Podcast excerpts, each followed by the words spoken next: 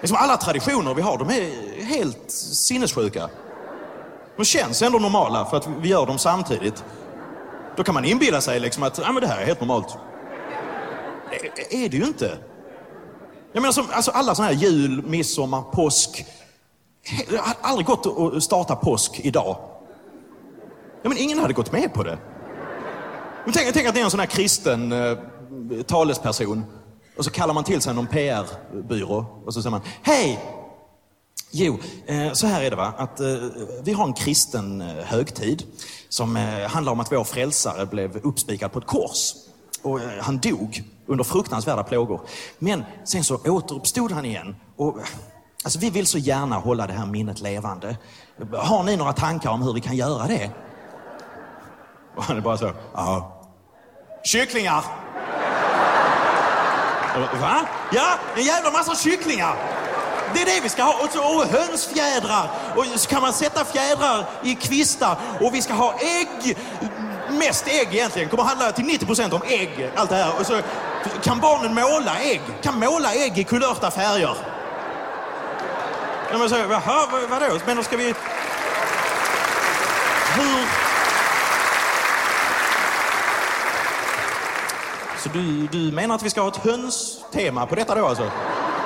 Ja, och en hare. Alltså, va? Jo, men påskharen. Det är en lurig jävel han. Han gömmer äggen. Och så, och så får barnen leta. De är så, var, var, var är äggen någonstans? Nej, jag vet inte. Haren har varit här. Ja, ja du, om du har barn så eh, kan du klä ut dem till kärringar. Men, jag men var, varför ska jag klä ut mina barn till kärringar? Jo, men så kan de gå ut på stan och, och, och fråga efter godis. Men kärringar älskar ju godis, eller hur? Alltså, du fattar. Och, och så äter vi sill. Jo, men vi, vi äter ju redan sill på jul och midsommar. Ska vi inte ha någonting annat? Nej, sill igen. Ska, ska alltid vara sill. Och så dricker vi must. Vadå, julmust? Nej, påskmust. Det är en helt annan sorts must.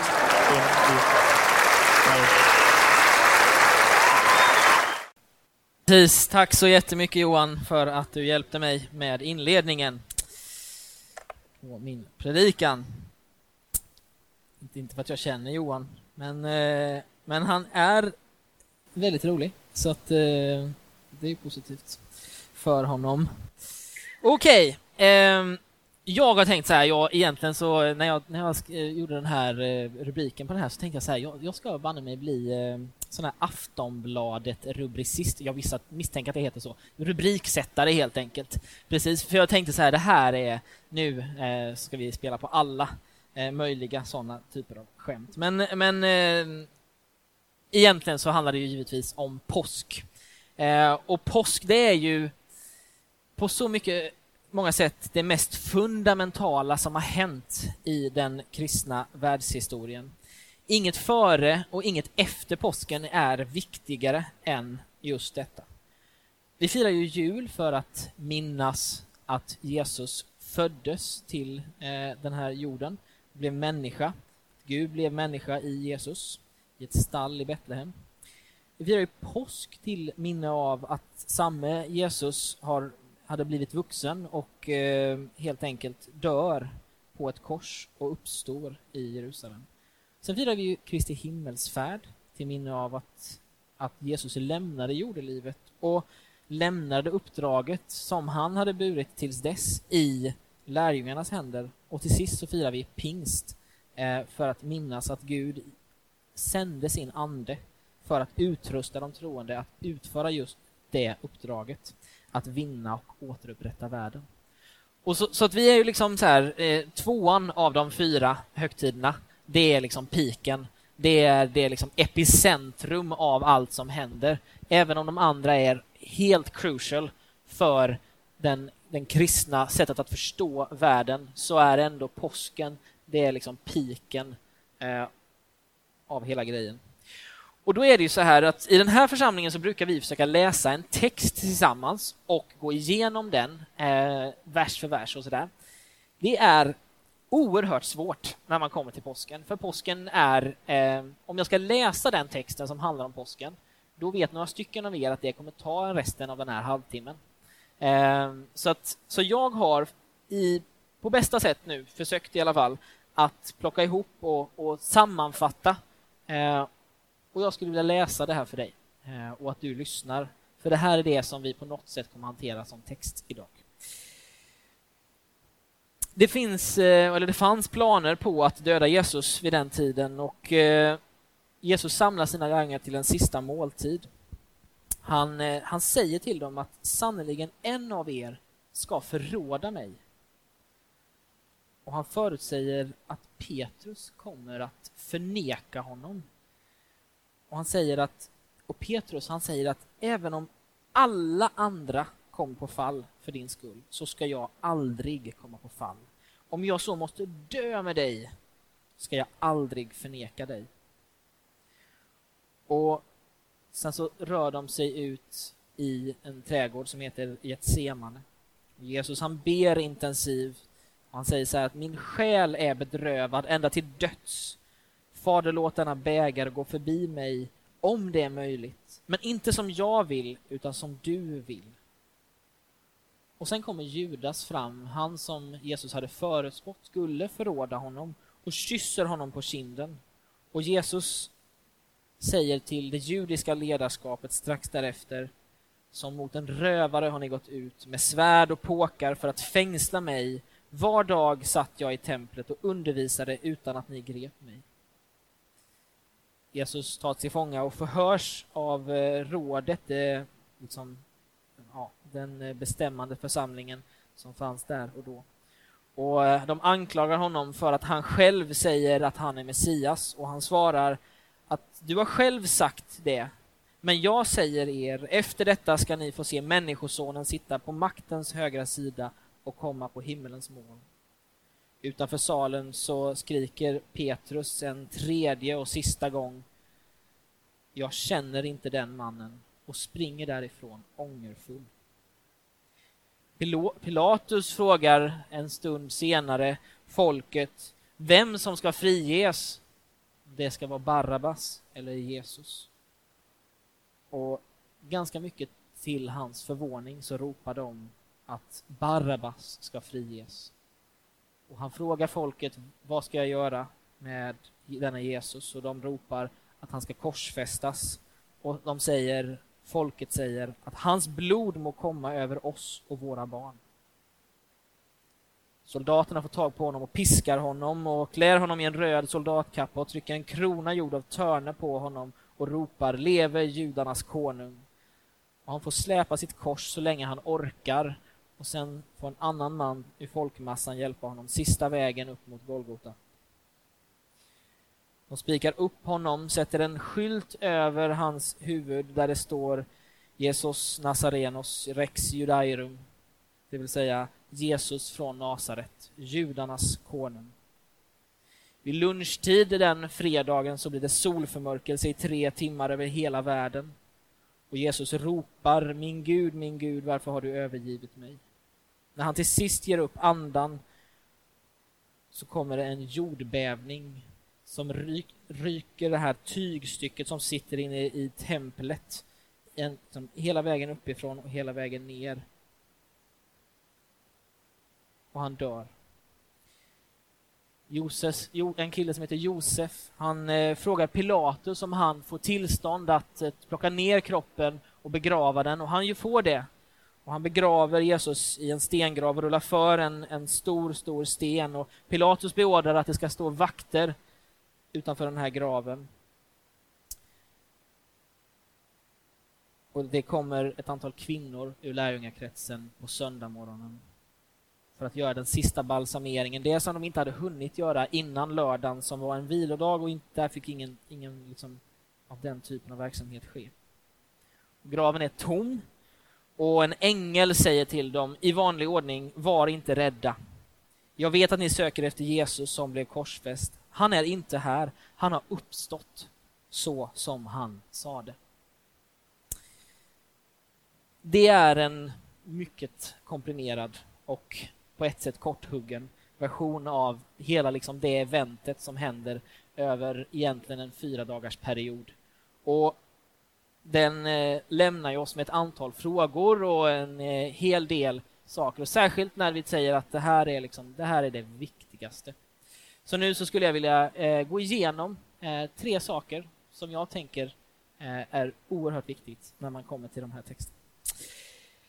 Och min första punkt är varför måste Jesus dö?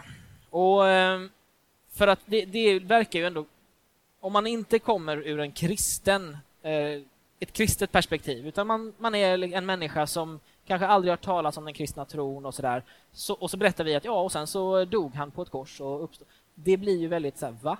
Varför då? Och i Bibeln beskriver så här, Paulus han beskriver i Romarbrevet 3.23 att och han säger så att alla, alla människor har syndat och gått miste om härligheten från Gud.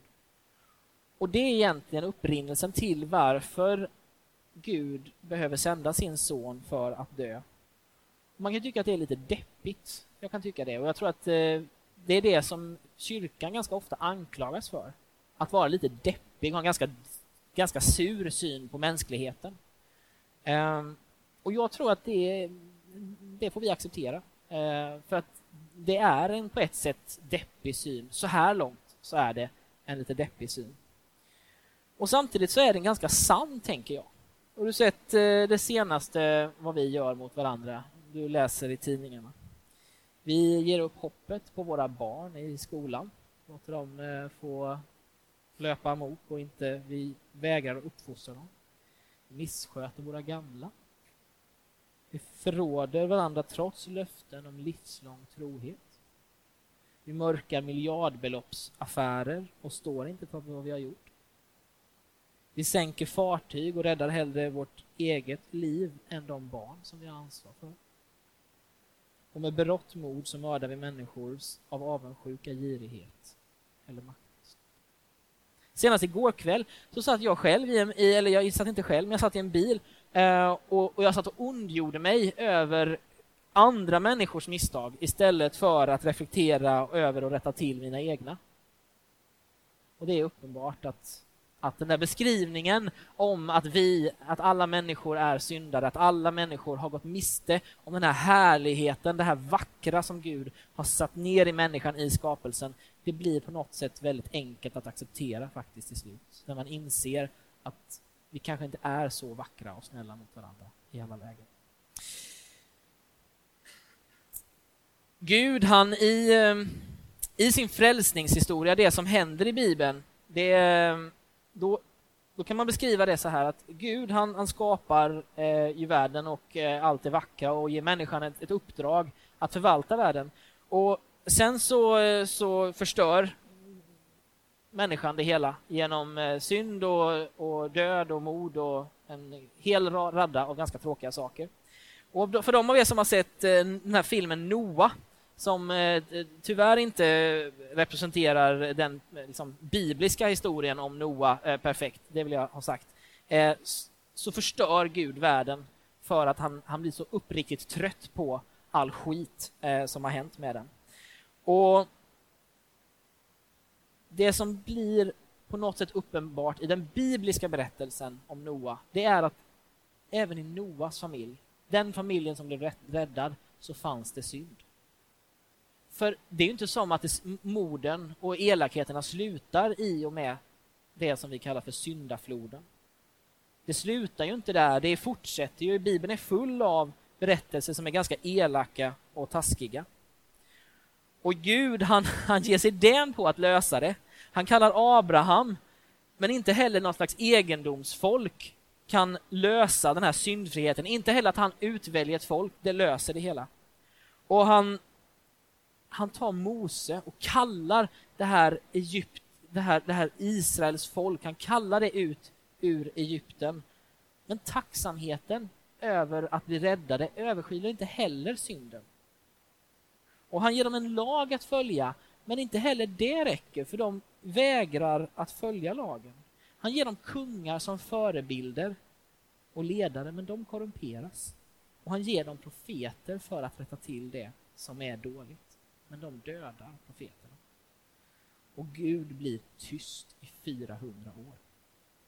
det är Gamla Testamentet i en ganska kortdragen version. Och, och jag kan känna så här att jag, jag, jag, kan aldrig sätta mig in i hur Gud tänker och hur han upplever saker. Men om jag skulle varit i situationen att jag hade försökt på allt det sättet, och som sagt det där är den korta versionen av det ganska långa försöket av att rädda eh, sitt folk. Då hade jag också blivit tyst i 400 år. Jag hade också tröttnat och lackat ur och känt att nej, jag ger upp. Eh, och jag säger inte att det var det som Gud eh, kände och gjorde, för jag inser att han är större än så. Men jag kan förstå det. Sen finns det då en, liksom ur allt det här liksom ganska jobbiga då, så, och, och när Jesus ska dö och allt det här, då finns det ju ett, ett, en, ett problem med det här. Det finns ett samtida problem. Vad, vad, vad kallar det för? Ja, precis, ett samtida problem. Eh, och Det är vår, vårt samtida problem. Därför att vi har lite problem med att en far som skickar sin son för att dö eh, för saker och ting. Vi tycker inte att det känns så positivt. att Vi är, väldigt, vi är emot aga eh, och, och, definitivt misshandel och absolut dödsmisshandel av våra barn. Eh, och Det känns normalt så. Eh, och till och med i Gamla Testamentet, där det är riktigt grovt och blodigt, där när Gud begär av Abraham att han ska skicka sin son i döden, så räddar han honom det sista. Men när det kommer till Jesus så gör han inte det. Det finns ingen bägare som kan gå förbi Jesus. Han tar straffet. Det slutar med honom. Och om Gud har på något sätt två sätt att liksom Antingen så låter han mänskligheten dö efter de här 400 åren, känner att nu är det nog, varsågod, have it your way. För det är ju så vi har kört under ganska lång tid. Det är liksom ett alternativ. Eller så är alternativet uppenbarligen, vi förstår inte exakt varför, men alternativet verkar vara att dö i deras ställe. Att ta ett straff istället för mänskligheten. Då måste man ju säga att det är väldigt kärleksfullt, tänker jag. Om man kan tänka sig att göra det för sin mänsklighet. Och jag tänker att det här samtida problemet som en del teologer och andra präster och, och folk i allmänhet beskriver, det kan man inte lösa kanske, men försöka förstå genom att läsa en text från Johannes 10, där det står så här. Jag är den gode heden och jag känner mina får och de känner mig. Liksom Fadern känner mig och jag känner Fadern. Och jag ger mitt liv för fåren. Jag har också andra får som inte hör till den här follan Också dem måste jag leda och de ska lyssna till min röst. Och det ska bli en jord och det ska bli en jord och en herde. Fadern älskar mig därför att jag ger mitt liv för att sedan få det tillbaka.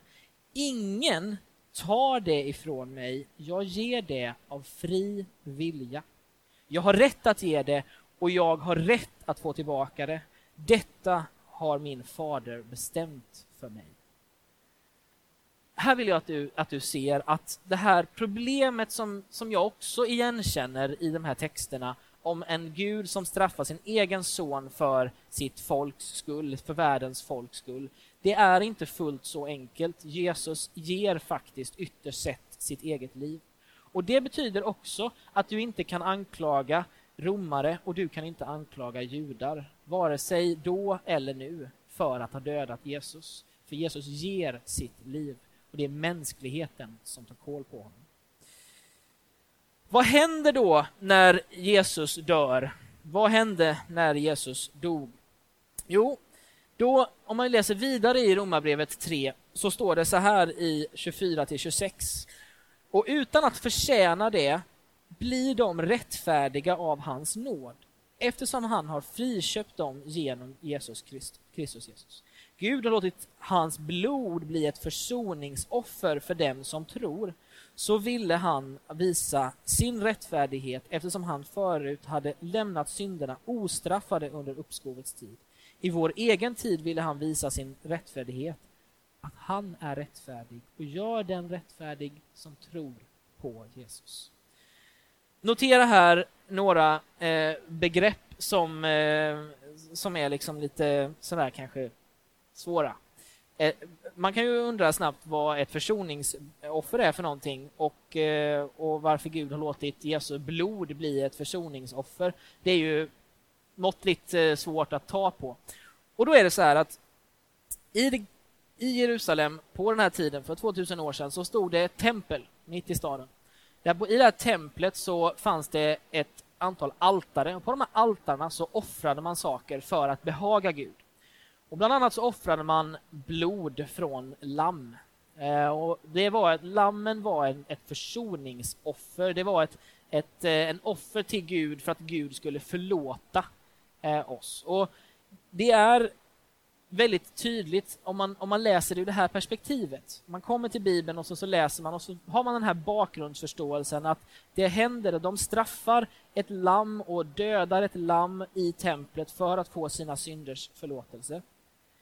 Och Det är ändå väldigt, väldigt vackert skrivet när man inser att det också finns ett annat lamm som straffas, inte inne i templet utan ute på en dödsplats, skallen, Golgota.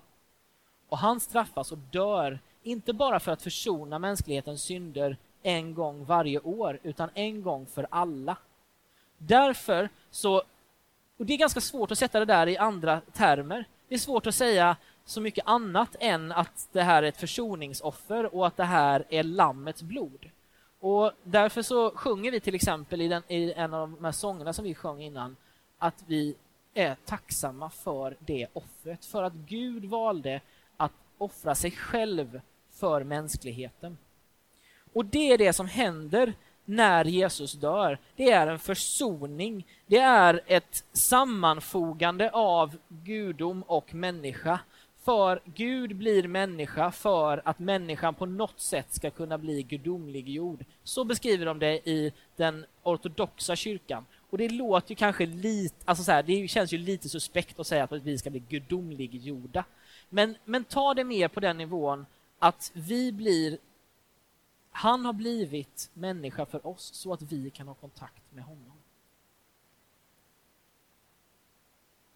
Det som också händer när Jesus dör, det är att hela skapelsen skälver. Och jag tycker att det, för mig så är det också ett tecken på att det inte bara, det här är inte bara en liten andlig piff-piff-grej.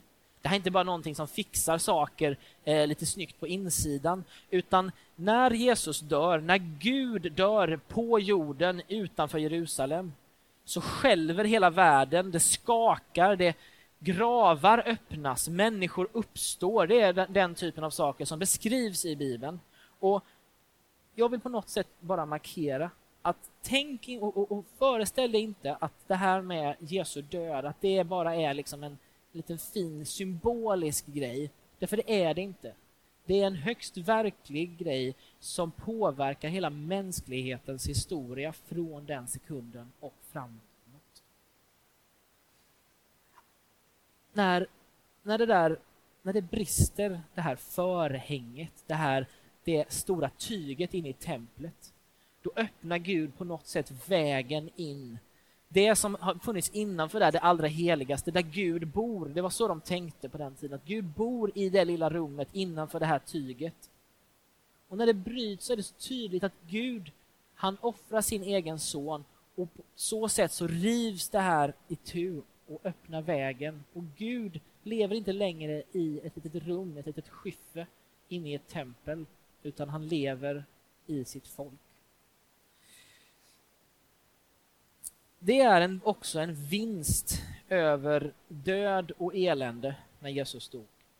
Det är alltså inte bara en, liksom, i en andlig mening en vinst. Alltså Jesus han triumferar över romarnas makttörst och över judarnas, eh, de judiska ledarnas religiösa inskränkthet. Och han triumferar också idag över USAs storebrorssyndrom och Sveriges eh, PK-mentalitet.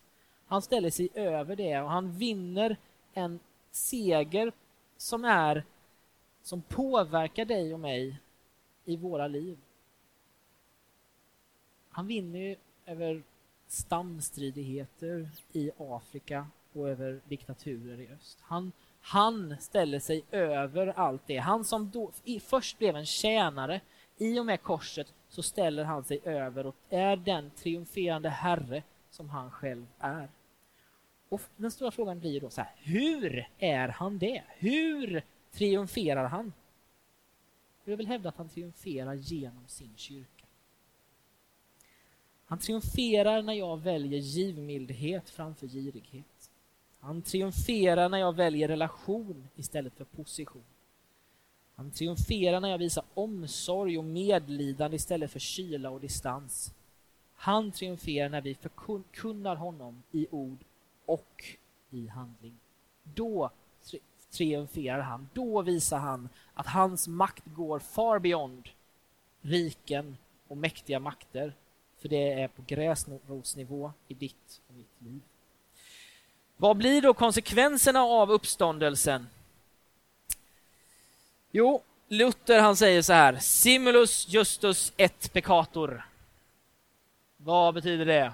Samtidigt rättfärdig och syndare. Och det är en, tycker jag, ganska vacker människosyn istället för den ganska deprimerande människosynen som säger alla är syndare, det finns ingenting att hämta i mänskligheten.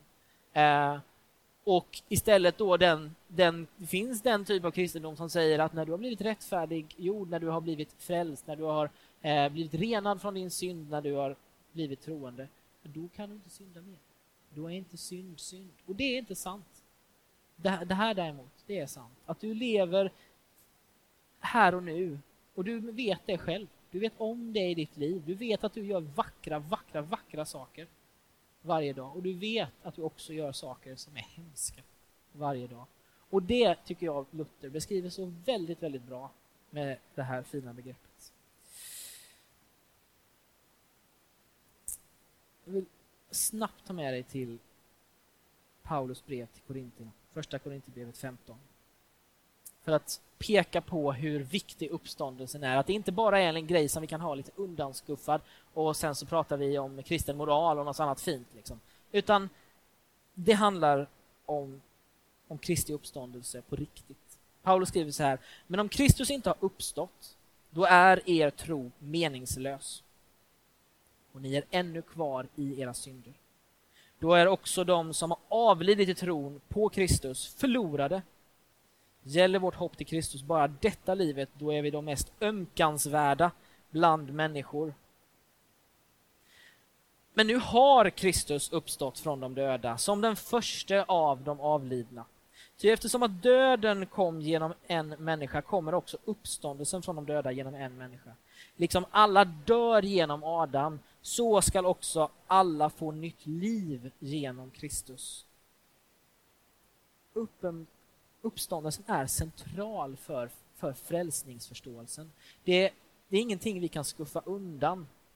Vi kan inte leva bara med ett kors. Vi kan inte leva bara med att Jesus har dött. Vi måste leva med att han också har uppstått. Och att han genom sin kyrka faktiskt utövar sitt rike och sprider sitt rike. När vi väljer det som är i hans hjärta och i hans tanke. Han, uppstår, han dör och uppstår inte för att skapa en gemenskap som är liksom, ni vet, så här lite, lite lagom frivillig. Jag kommer när jag känner för det. Jag eh, bidrar när jag känner för det. Det är inte det som är hans tanke. Han, kommer inte, han tänker inte heller att han ska skapa en gemenskap som är fin och mysig och, och liksom plåstrar om varandra och som bara är terapeutisk. Den är heller inte bara PK. Den är inte politiskt korrekt. Den är politiskt, högst politiskt okorrekt. Därför att den säger att det finns någon som står över allt och alla. Och det är inte jättesmidigt att säga. Han dör och uppstår för att skapa sin kyrka, den största sociala kraften som finns i världen. Och den övervinner fattigdom och förtryck och ensamhet, diskriminering, fördömelse, girighet, maktlystnad och stigmatisering. Han skapar sin kyrka genom att dö för dess synder. Genom att dö för mänsklighetens synder så, så skapar han sin kyrka och för att återupprätta sin förstörda skapelse. Och vi som kyrka, i Kristus, så blir vi igen ett. Vi som tidigare levde i fiendskap, vi har faktiskt blivit ett. Vi, han säga att vi har blivit bröder och systrar, att vi har blivit en familj. Vi har skapat ett nytt rike. I Kristus är vi inte längre separerade från Gud och inte heller från varandra, utan vi är nyskapade för att bygga den här världen, att fortsätta göra det som hände i skapelsens morgon. Att förvalta den här världen och göra den vackrare och bättre. Och då skulle jag vilja ägna några minuter åt att prata om hur vi gör det. För det är ju, fram tills nu så, eh, så kan ju du tycka att jag har sagt mycket fina saker. Eh, och eh, liksom, de är ju lite så här, här uppe. Men hur ser det ut när det här händer på riktigt? För det första så måste det bli primärt för oss att sätta andra före oss själva. Du är inte längre bara objekt för Guds handlande. Du är en agent för Guds handlande. Och vad menar jag med det? Jo, du är inte längre bara den som Gud handlar i. Det vill säga, jag behöver förlåtelse, jag behöver helande, jag behöver, jag behöver, jag behöver. Utan du är också den som Gud tänker arbeta igenom. Så när vi ber och tror om att Gud ska ändra saker i världen så kanske han säger japp, gå och gör det. För det handlar inte bara om någonting som är här uppe utan Gud litar högt på oss.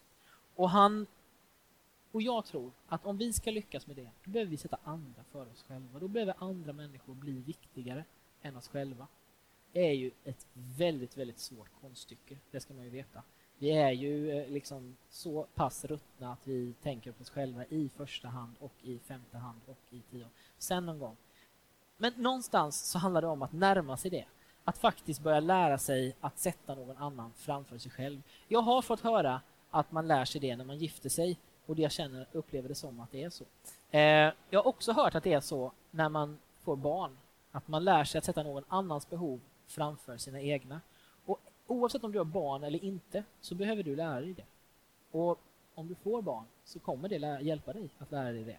Men du behöver påbörja den processen långt innan dess. För då följer vi honom som han gjorde, satte sitt exempel. Det står i Filipperbrevet, jag är inte med det här, det står i Filipperbrevet att, att Gud klev ner i Jesus Kristus som en tjänare och betjänade världen. Och det, det är helt avgörande. Att tjäna i relation till din respektive, i relation till dina kollegor eller studiekamrater, i relation till det företag som du arbetar för, i relation till denna värld. Tjäna. Gör frukost till din fru. Träna ett fotbollslag, var scoutledare, flytta möbler åt varandra och andra. Var barnvakt. Demonstrera mot orättvisor, ta dig an den som har behov. När vi som kyrka, oavsett om det är, är bara du som gör det, eller ni är en del av vår kyrka som gör det, en, en connect, eller om vi som hela kyrka gör någonting för att betjäna vår värld, då visar vi på den uppståndne Kristus. Då visar vi på honom som har dött och uppstått för att försona världen och göra något vettigt av den här skiten. Ge av dina resurser. Ge av din vishet, av din energi. Ge av dig själv. Ge pengar till kyrkan och till hjälporganisationer. Ge din tid till samhället och den som behöver det. För jag uppfattar det som att om du läser evangelierna så var det det som Jesus ägnade sig åt. Att ge människor hopp, att ge människor helan, att ge människor en chans. Skulle också vilja uppmana dig att be. Det är så lätt att hamna i ett läge där vi tänker så här att det vi kan bidra med, det är det humanistiska. Och det är inte riktigt så. Det är ju, vi kan också bidra med det. Men, men som kyrka så kan vi bidra med något annat. Vi kan bidra med en dimension i livet som är liksom inte bara är det här tvådimensionella utan faktiskt en tredimensionell. Där vi kan bidra med att be för saker och tro att det finns en Gud som gör far beyond det som vi kan tänka och hoppas på. Det kan ingen annan ta, det uppdraget kan ingen annan göra. Det är bara du och jag. Det är bara den som är troende som på något sätt kan förlita sig på att Gud gör någonting. Det betyder ju inte att du som inte tror inte ska be. Det tycker jag verkligen att du ska göra. Men det betyder att vi som kyrka har ett tydligt uppdrag att vara med och be för det som händer. Hela vägen från dina närmaste relationer när det går sönder, när det finns sjukdom, till de fruktansvärda kriser som vi har i Afrika idag. Hela det spannet klarar Gud av att förstå och röra sig i. Försoning. Vi orsakar ju och blir ju utsatta för eh, smärta varje dag. Och du kan ju välja att leva i bitterhet. Det tror jag att du har lärt dig så här långt i livet. Du kan välja att leva med någon slags ganska taskig mentalitet och attityd.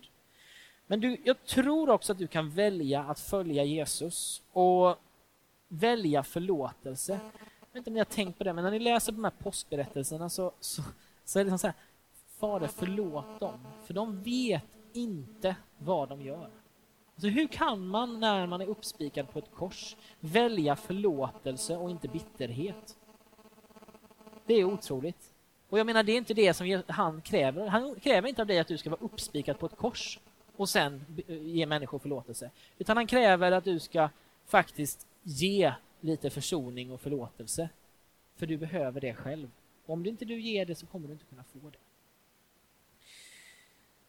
Till sist så drivs vi av, ett, av hjärtesaken. Vi drivs av det som är på insidan, inte bara liksom de höga stora strategierna och målen. Vi drivs av någonting på insidan.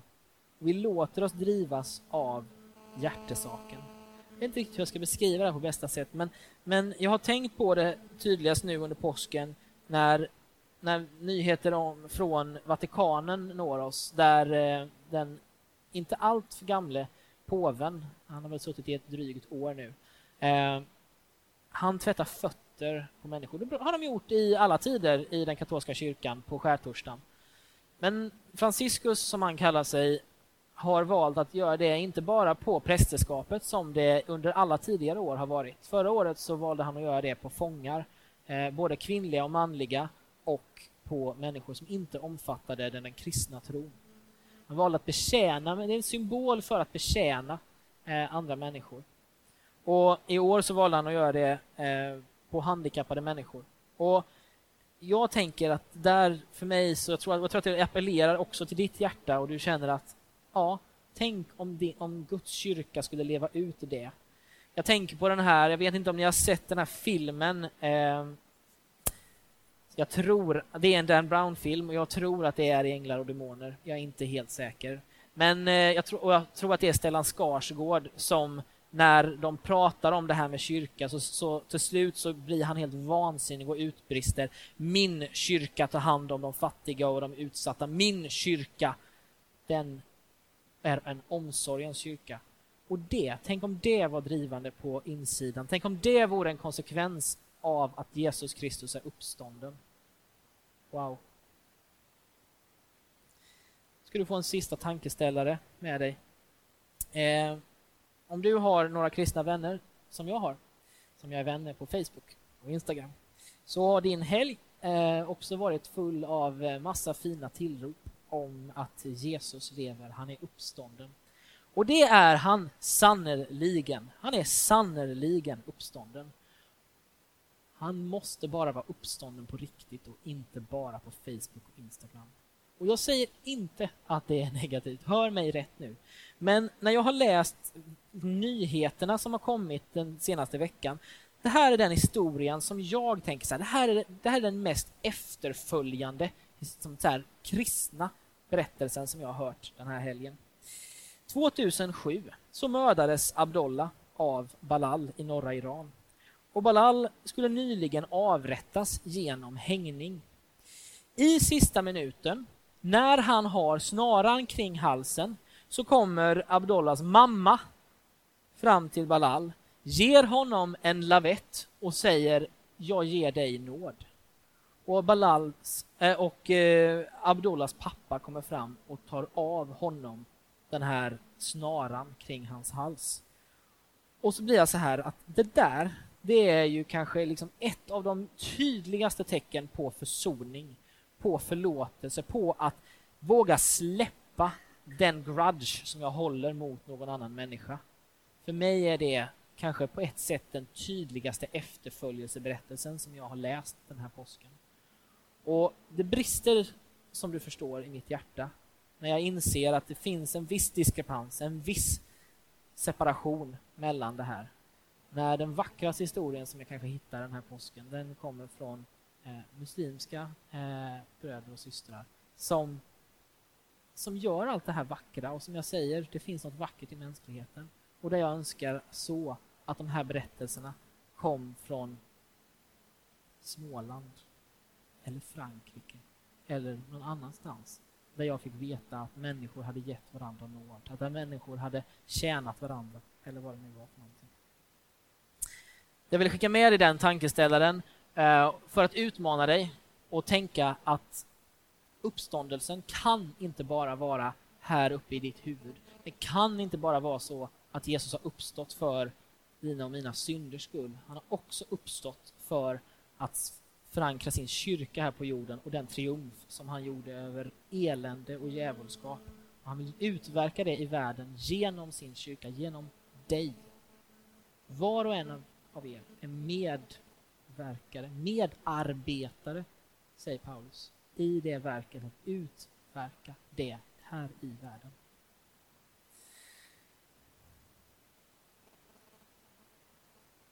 Som en eh, avslutande respons på detta så tänkte jag att vi skulle läsa trosbekännelsen tillsammans. Den är typ väldigt många hundra år gammal beskriver vem vi tror att Gud är.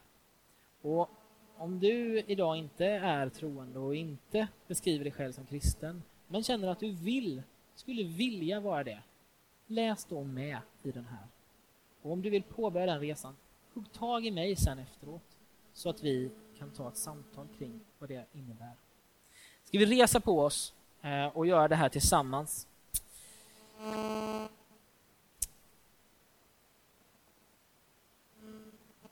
Andreas, du har den, eller hur? Precis. Vi tror på Gud allsmäktig Fader, himmelens och jordens skapare.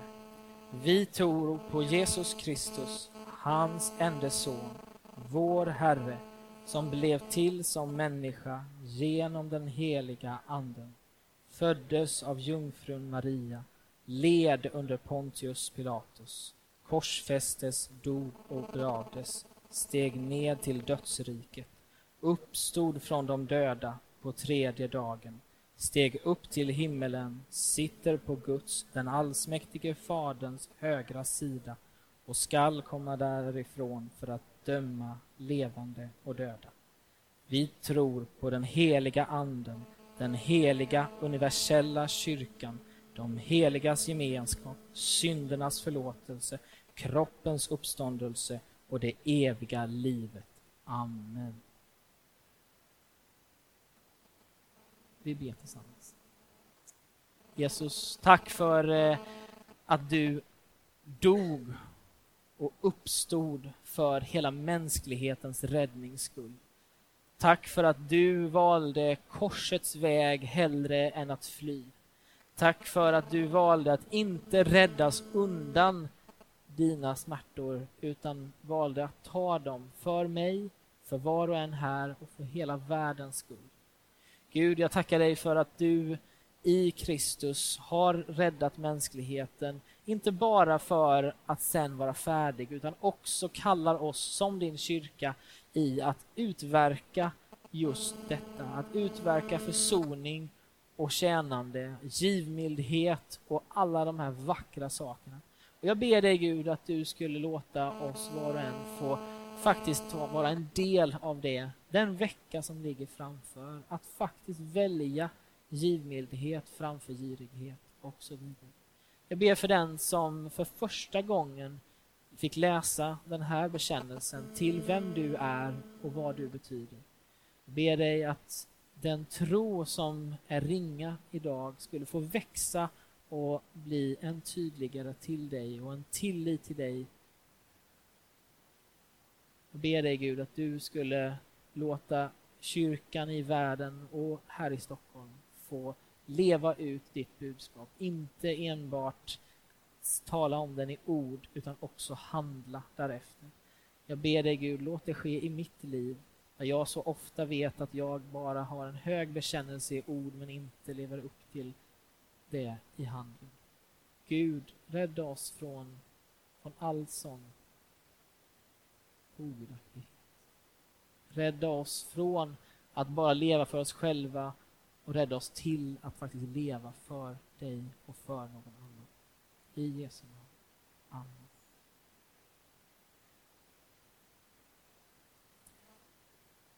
Tack så hemskt mycket. Nu får du sitta ner, tror jag. Tack, Viktor.